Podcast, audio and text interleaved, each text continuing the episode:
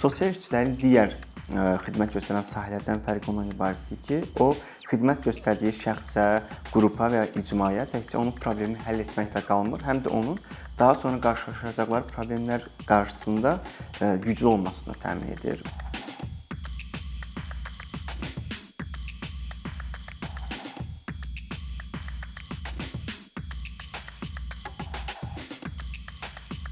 Samin salam, xoş gördük sənə ikincidə.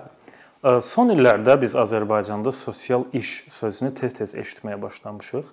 Həm vətəndaş cəmiyyətində sosial işlə bağlı təşəbbüslərin sayı artıb, həm də məsələn mən bu yaxınlarda diqqətimi çəkdi ki, qəbul imtahanlarında dövlət sifarişi ilə ən çox yer ayrılan sahələrdən biri sosial işdir. Bu baxımdan mən söhbətə elə burdan başlamaq istəyərdim ki, sosial işçi ümumiyyətlə nə deməkdir? Çünki dediyimiz kimi bu yeni sahə olduğu üçün bəzən bu anlayışlar qarışdırılır. Sosial işçinin tam olaraq hansı işlər görməsi ilə bağlı bəzən müzakirə olunur. O baxımdan xahiş edəcəm ilk öncələ ondan başlayasan ki, sosial işçilər hansı işləri görürlər, necə töhfə verirlər sosial siyasətə və yaxud da başqa tərəfdən bəlkə sosial işçi hansı işləri görmür, amma bəzən qarışdırıla bilər ki, bəs bu da sosial işçinin öhdəliyidir. Təşəkkürlər Fərdi sualına görə. Əslində sosial təkcə Azərbaycan deyil, müasir dövrdə bütün dünyada demək olar ki, prestijli sahə hesab olunur və getdikcə dövlətlərin əhəmiyyət verdiyi bir sahəyə çevrilir. Bunun səbəbi odur ki, sosial işçilər sosial xidmət sahəsində xidmət göstərə bilən ən peşəkar insanlardır. Sosial işçilərin digər xidmət göstərən sahələrdən fərqi ondan ibarətdir ki, o xidmət göstərdiyi şəxsə, qrupa və ya icmaya təkcə onun problemini həll etməklə qalmır, həm də onun daha sonra qarşılaşacaqları problemlər qarşısında güclü olmasını təmin edir. Bu baxımdan sosial işin çox kompleks yanaşması var ki, biz burada biopsixososial yanaşma var. Yəni hər tərəfdən ona yanaşır həmin o işlədiyi şəxsə. Bu baxımdan sosial iş belə deyək ki, xidmət sahəsində ən unikal peşələrdən biri hesab edilir. Əslində Azərbaycanda sosial peşəsinin yaranması bir ehtiyac üzərindən yaranmışdı.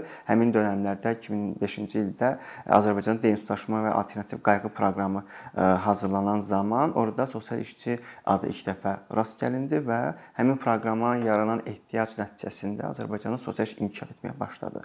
Və o dövrdən ilk magistr səviyyəsinə, daha sonra isə digər pillələrdə də belə deyək ki, e, sosial iş sahəsi yaranmağa başladı və inkişaf etdi. E, əslində çox e, düzgün yerə toxunursan ki, məsələn mən universitetə qəbul olduğum il 2015-ci ildə 4-cü universitet açılmışdı həmin ildəki sosial tədris olunurdu. Amma hazırda bura dövlət universitetlərin filialları da daxil olmaqla 17 universitetdə hazırda tədris gedir. Bu o deməkdir ki, ə, məsələn, mən qəbul olduğum il əgər dövlət sifarişi az idisə, 2015-ci ildə ə, bu 8 ildə demək olar ki, ə, dövlət sifarişinin sayı da tədricən artırıb. O deməkdir ki, sənin sözünə qüvvət, dövlətin də artıq buna olan ehtiyacı artır. Amma sosial iş bir e, fenomen kimi, bir aktual mövzu kimi cəmiyyətdə olsa da, amma nə e, vətəndaş cəmiyyətində, nə də ki dövlət e, sahəsində o insanlar onu tam olaraq anlamırlar və düzgün formada baxmırlar. Bununla bağlı sosial işçilərin bəzən stereotiplərə məruz qalmasıdır. Məsələn, sosial icmasında çox geniş istifadə olunan, bəzən zarafata saldığımız amma ağırlı yerimiz olan siz sosial yardım verənsinizmi? Siz pensiya düzəldənsinizmi? Və yaxud da vətəndaş cəmiyyətində bəzi proseslərdə görürük ki, sosial işçini məsləhət verən bir şəxs kimi təqdim edilir, amma bunlar heç biri belə deyil. Təbii ki, sosial işçi sosial xidmət göstərən ən peşəkar şəxslərdir.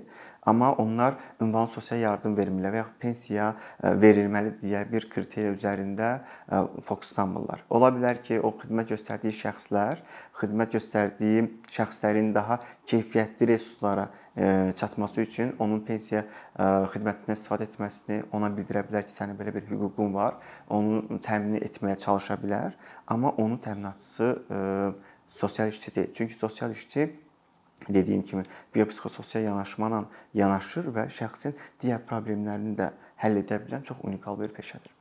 Sən müəyyən qədər sosial iş təhsilinə toxundun.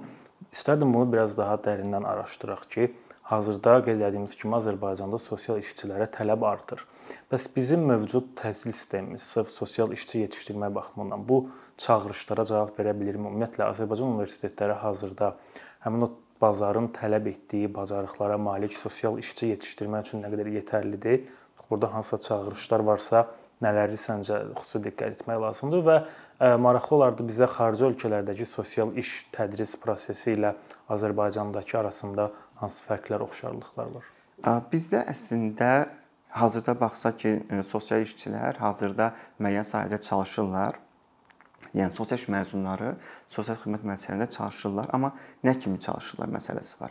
Bu baxımdan baxsaq, dövlətin verdiyi təhsil, universitetlərin verdiyi təhsil e, onu ödəyir ki, sosial işçilər gedib o müəssisədə çalışsınlar. Çünki orada onların hər hansı bir xüsusi bir rolları yoxdur. Onlar çox e, yəni iqtisadiyyat məzun olmuş şəxs də gedib o işi görə bilər, sosial işçi də gedib o işi görə bilər fonundadır və bu baxımdan da dövlət əslində sosial sahəsini mənə elə gəlir ki, buna görə açır ki, sadəcə sosial xidməti göstərə biləcək şəxslər baxımından ən yaxın peşə olduğuna görə bunu açır. Yəni xüsusi olaraq Azərbaycanda belə deyək ki, sosial xidmət peşəkar şəkildə göstərilir və bu peşəkar şəkildə göstərilməsi üçün sosial işçilərə ehtiyac var deyə mən bunu artım açım deyə bir şey yoxdur. Çünki elə olacağı təqdirdə bütün universitetlərin məzunlarının böyük əksəriyyəti işlə təmin olunmalı idi. Çox təəssüf ki, belə bir hal yoxdur. Çünki dövlət sosial işçiyə müəyyən, məsələn, Dost Agentliyi olsun, Asan Xidmət olsun və digər sosial xidmətlər e, mərkəzlərində sadəcə müəyyən kargüzarlıq işləri kimi işləri sosial işçiyə tapşırılır. E, sosial xidmət haqqında qanunda qeyd olunur ki, sosial işçi qiymətləndirmə apara bilən, plan hazırlaya bilən bir şəxsdir. Amma orada da sosial işçi ilə bağlı beynəlxalq standartlara cavab verən bir sistem yoxdur. E, dövlətin burada əsas məsələsi, əsas öhdəliyi ondan ibarətdir ki, ki, sosial işçiləri lisenziyalaşdırmalıdır, standartlar hazırlamalıdır. Yəni sosial işçinin e, etik standartları nədir? Onlar hansı xidmətlər göstərə bilər? Xidmət göstərərkən nələrə diqqət etməlidir deyə bu artıq beynəlxalq bir e, standartlar var ki, onlardan yararlana bilər, amma sadəcə e, dövlət sosial xidməti verə bilən daha həssas peşə kimi baxır sosial işçilərə. Bu isə effektiv deyil. Məsələn, siz pensiya təmin pensiya üçün müraciət etmisiniz və həmin e, sosial işçilər sizlə orada maraqlanıb bir-iki sənədlərinizi e, bura müraciət etməyinizlə bağlı və yaxud da ki, sənədlərdə olan e, natamamlıqla bağlı sizə danışa bilər. Onundan kənarda demək olar ki, sosial işçilər fəaliyyət göstərmirlər. Təbii ki, bəzi müəssisələrdə qismən də olsa ona yaxın belə deyək ki, fəaliyyətləri ola bilər sosial işçilər, amma bir standartı yoxdur. Yəni o müəssisədə olan, e, o müəssisənin standartlarına uyğun nələrsə etməyə çalışır. Amma beynəlxalq dövlət daxilində bir standartı çox təəssüf ki, yoxdur.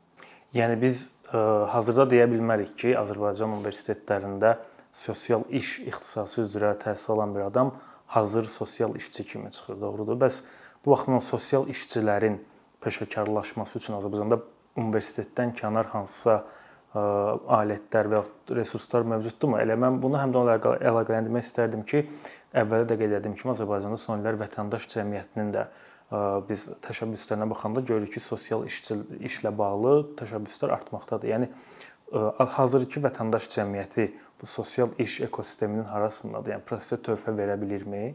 Bir bunu cavablandırın. Bir də yəni sosial işçi kimi peşəkarlaşmaq istəyən bir tələbənin universitetdən əgər o keyfiyyət təhsil almayıbsa, hazırda formalaşmaq üçün hansı alətlər varmı? Çünki məsələn digər yeni peşələr də var. Məsələn marketinq və yaxud hansısa SMM xidmətləri müəyyən kurslar var ki, universitetdə olmasa da insanlar həmin kurslar vasitəsilə bilik bacarıqlarını arta bilirlər. Məsələn Azərbaycanda bu baxımdan vəziyyət necədir? Azərbaycanda bu baxımdan əslində universitet təhsili ilə sosial iş baxımından demək istəyirəm, universitet təhsili ilə praktika yerlərinin olması çox vacibdir, çünki bunlar bir vəhdət içərisindədir. Yəni sosial orada nəzəriyyəni və bilikləri öyrənir, gedir e, həmin müəssisədə onu e, təcrübə edə bilir və nəzəriyyənin nə qədər keyfiyyətli formada işə yaradığını və yaxud da ki, yaramadığını görə bilər. Bu baxımdan Azərbaycanda çox təəssüf ki, belə bir imkan yoxdur, belə bir fürsət yoxdur. Tələbələr universitetdə müəyyən qədərilə sosial işlə bağlı dünyada belədir, sosial iş və sair kimi şeylər öyrənə bilirlər və universitet təhsilinin ən başda problemlərdən ibarət ondan ibarətdir ki, Məsələn, siz ə, e, dərsin adını görə bilərsiniz. O dərsin fənnin adı ə, e, beynəlxalq standartlara uyğundur. Məsələn, qaçqınlarla ə, e, sosial qaçqın məcbur köçkünlər sosial iş çox gözəl səslənir və bildirilə bilər ki, bunlar bu tədrisi alır bu tələbələr. Amma ə, dərsin daxilinə baxdığımız zaman görürük ki, orada hər hansı bir sosial işçidə hər hansı bir, bir ailə bilik və bacarıq aşılanmır. Ola bilsin ki, hər hansı bir qanunlar toplusu orada öyrədilir, müəyyən daha ümumi şeylər orada öyrədilir və e, sosial işçi tələbələr orada nəsə öyrəndiklərini harca gedib praktika edə bilmirlər. Bu da onların biliklərinin azalmasına gətirib çıxarır. Çünki sosial iş elə bir sahədir ki, o praktikasız e, heç bir işə yaramır. Yəni nəzəriyyə baxımından deyil. O sahə e, sahə peşəsidir əslində. Və gəldikdə vətəndaş cəmiyyətinə, e, vətəndaş cəmiyyəti əslində sosial işin inkişafına çox e, böyük töhfə verir. Daimi olaraq ki, peşəkar sosial işin təbii ki, e, bütün yükü həmişə vətəndaş cəmiyyətinin üzərində olub. Hazırda da vətəndaş cəmiyyətinin e, üzvlərinin töhfələri, təşəbbüsləri sayəsində sosial iş inkişaf edir və peşəkar standartlara uyğunlaşmağa çalışır. Tələbələrin alternativ olaraq hansı sahələrdə, e, hansı belə deyək ki, təşəbbüs qrupları olsun, təşkilatlarda fəaliyyət göstərməsinə gəldikdə, bununla bağlı bizim özümüzün yaratdığımız bu problemləri gördüyümüz üçün Ubuntu sosial dərnəyi yaratmışıq ki, biz oradan ə, sosial iş tələbələrinin bilik və bacarıqlarını artırmağa yönəlirik. Çünki bilirik ki, universitetdə hansı dərs verilmir və ya da daha keyfiyyətsiz verilir. Bu baxımdan biz yerli tələbələri beynəlxalq xarici ekspertlərlə əlaqələndiриrik ki, həmin o ehtiyaclarını ödəyə bilsin. Bununla yanaşı sosial xidmətlər mərkəzi var vətəndaş cəmiyyətində fəaliyyət göstərir ki, bu da tələbələrin bilik bacarığını artırmağımız üçün fəaliyyət göstərən bir təşəbbüs qrupudur. Ümumiyyətlə biz Azərbaycanda tez-tez sosial problemlərlə bağlı etirazlara şahid ola bilirik. Kiçik miqyaslı da olsa say olaraq mənə gəlir ən çox narazı olan sahələrdən biri budur. Xüsusilə sosial həssas qruplarla bağlı. Baxımdan mənim məsələnin həm də praktiki tərəfi maraqlıdır ki, hazırda dövlətin təklif etdiyi sosial xidmətlər həmin o sosial problemlərə adekvatdırmı və yaxud digər tərəfdən Azərbaycanda sosial işin daha keyfiyyətli tətbiqi hazırda ölkədə olan hansı problemlərin həllinə kömək ola bilər ki, əslində o problemlər var, halbuki sosial işçilərlə, sosial iş fəaliyyətini təkmilləşdirməklə biz həmin problemləri həll edə bilərik. Əslində e, hal-hazırda Azərbaycanda sosial xidmət sahəsində çoxlu problemlər var. E, amma məsələn e, getdikcə artan narkomaniya var. Universitet məktəblərdə bullinqlərin artmasını göstərə bilərik, gəncləri intiharını misal göstərə bilərik. Amma hazırda mən düşünürəm ki, Azərbaycanda sosial işin edə biləcəyi və bu problemləri demək olar ki, maksimum dərəcədə, minimum dərəcədə azalda biləcəyi sahələr ən əsası qazilərlə sosial iş sahəsidir və əlavə olaraq da məktəb sosial işi. Çünki bu dünya praktikasında çox işə yaran yarayan bir belə deyək ki, fəaliyyətlərdir və bunu Azərbaycanda tətbiq etməkdə çox böyük ehtiyac var. Məsələn, biz e, e, belə deyək ki, tez-tez xəbərlərdə e, qazilərin etirazını görürük və yaxud da onların əslində orada xidmət göstərən şəxslərin çox sakit bir şəkildə onların problemi həll etməsinə çalışdığını görürük. Amma burada bir yanaşma var orada həssas bir yanaşma yoxdur. Məsələn, 50-yə olan bir qazi 50 dərəcəsini ala bilmir. Bununla bağlı o müraciət edir, amma ona olan münasibət münasibət çox sıradan yaş pensiyasını alan şəxslərlə olan münasibətdən eynidir. Amma biz onun xüsusi ehtiyaclarını nəzərə almırıq və ümumiyyətlə Azərbaycan məsələn qazilərin sosial xidmət göstərməsi üçün, qazilərə sosial xidmət göstərilməsi üçün geniş bir belə deyək ki, qurum ayrılmalı idi. Həmin xidmətlər mərkəzinin daxilində, çünki Azərbaycanda çox sayda qazilər gəlirdi. Onlar yenidən qiymətləndirilməli idi. Və sosial iş onu deyir ki, təkcə onların özləri yox, onların ailələri də bu prosesdə qiymətləndirilməlidir və sosial işçilər maarifləndirmə aparmalı idi insanlarla. Çünki qazilər bizim ətrafımızda daima və onların müəyyən travmaları ola bilər. Bizim hər hansı bir xoşagəlməz sözümüz, ifadəmiz, davranışımız onlarda müəyyən qıcıqlanma yarada bilər və o travmasını yenidən oyada bilər bununla bağlı və bununla bağlı insanları maarifləndirmə baxımından sosial işçilərin böyük rolu var idi və ən əsası xidmət göstərdiyi zaman daha həssas xidmət göstərir, daha əlçatan xidmət göstərirdi. Onun pensiya məsələləri olsun və digər müavinətləri olsun, onların həll olunmasında sosial işçi həmin e, prosesdə qazi ilə bərabər olur, qazinin ailəsi ilə bərabər olur və onları gücləndirməyə çalışır. Və digəri isə məktəb e, sosial işidir ki, məktəb sosial işi uşaqların e, belə deyək ki, həm intihar meylliyinin qarşısını ala bilir, maddələrdən sui-istifadəsinin qarşısını ala bilir. E, ola bilsin ki, müəyyən deviant davranışlar e, ola bilir tələbələrdə, şagirdlərdə. Bu da onu öncədən monitorinq edə bilir və preventiv tədbirlər görə bilir sosial işçi orada. Hazırda Azərbaycan məktəblərində sosial işçi varmı? Ümumiyyətlə proses mövcuddur bizim məktəblərimizdə. Azərbaycanda pilot layihə kimi deyə bilərəm mən buna. Məktəblinin dostu layihəsi var, amma məktəblinin dostu layihəsində də müəyyən qədər sosial işçilər var, psixoloqlar var təbii ki, amma orada sosial işçinin olması onun sosial iş xidməti olması demək deyil. Çünki sosial işçi sadəcə orada çalışan bir şəxs şəxsdir. Amma onunla bağlı standartların qəbul olunması və e, dost e, məktəbin dostu layihəsi nə qədər effektiv olması, hansı problemlər həll etməsi və s. daha geniş araşdırılmalıdır və orada sosial işin nəzəriyyələri, standartları, etik prinsipləri əməl olunmalı. Çünki biz ətrafdan orada olan bəzi e, qeyri-peşəkar davranışlarla bağlı məlumatlar əldə edirik, amma orada bir standart olmadığına görə, görə orada çalışan şəxsləri də o dərəcə qınaya bilmirik. Çünki onların öz təbii peşə standartları var, amma bu beynəlxalq etik standartlara uyğun deyil. Bu sosial iş fəaliyyətinin ən vacib ə, tərəflərindən biri də vətəndaşlardır. Çünki yekunda bu xidmətlər məhz vətəndaşlara göstərilir. Baxma sənin təcrübən mənə maraqlıdır ki, Azərbaycanda vətəndaşların sosial işlə bağlı ümumiyyətlə məlumatlığı hansı səviyyədədir və hansısa bir dövlət qurumunun və yaxud hansısa bir təşkilatın yönləndirilməsi olmadan da Azərbaycanda sosial işçilərə müraciət edən vətəndaşlar varmı? Ümumiyyətlə bu vətəndaşların sosial iş prosesinə yanaşması güvəni nədən ibarət? Çünki biz tez-tez Azərbaycanda məsələn psixoloqlara güvən məsələsi ilə bağlı tez-tez müzakirə edirik. Sosial işçilərlə bağlı necədir? Yəni vətəndaşlar bu prosesin bir parçası olmaqda həvəslidirlərmi? Əslində vətəndaşlar e, belə deyək onlara xidmət göstərən şəxsin kim olduğu onları çox e, ilgiləndirmir, maraqlandırmır. E, amma vətəndaşlar bəzən xidmət aldığı qurumda sosial işçilə qarşılaşa bilər. Yenə dediyim kimi, Azərbaycanda bir sosial iş var, bir də sosial xidmət var. Sosial işçilər o sosial xidməti göstərən ən peşəkar insanlardır.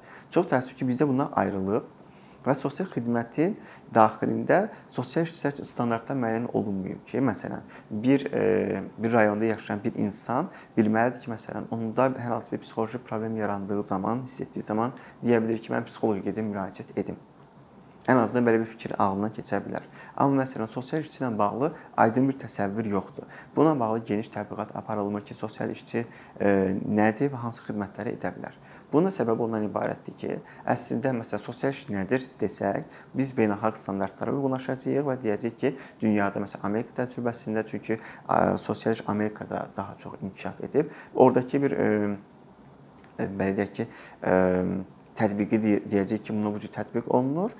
Bu modeli Azərbaycan tətbiq etməli. Sosial bunları bunları görür. Amma şəxs quruma gəldiyi zaman o xidmətləri ala bilmir və ona görə də həmin o e, təbliğatla göstərdiyi xidmət arasında bir ziddiyyət yarana bilər.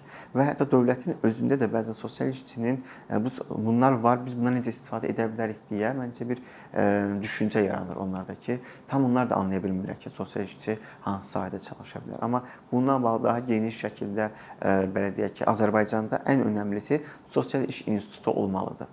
Bu daha çox bir universitetin belə deyək ki, öhdəliyinə düşməlidir. Azərbaycan daha kiçik olduğuna görə məncə bir universitetin öhdəliyinə düşür və bir universitetdə orada geniş araşdırmalar aparılır, tədqiqatlar aparılır. Onların sosial nəzəriyyələri yerli kontekstə adaptasiya olunur, etik prinsiplər, etik standartlar yerli kontekstə adaptasiya olunur və onu bildirim ki, Azərbaycanda artıq 15 ildən artıqdır ki, belə deyək, sosial işçilər, sosial iş məzunları var, amma Azərbaycanda əllə tutula bilən bir kitab yoxdur sosial işlə bağlı ki, məsələn, bunu bizim yerli mütəxəssislərimiz hazırlayıblar.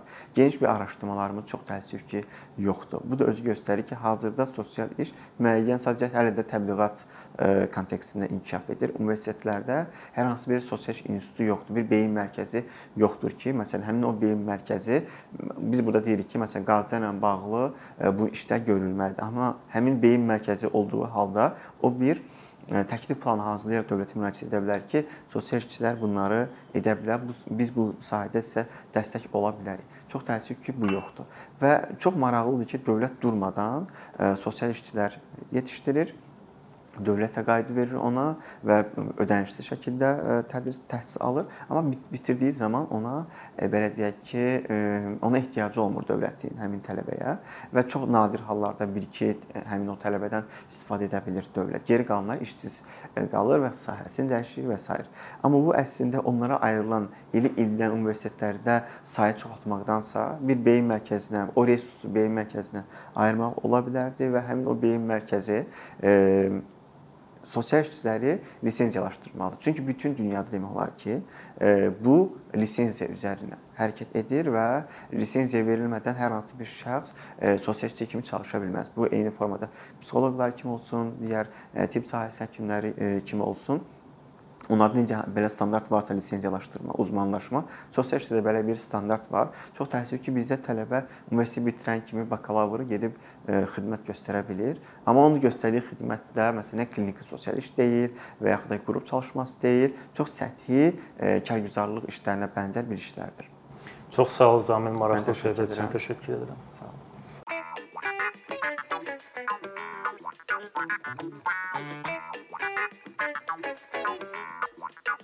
Bye.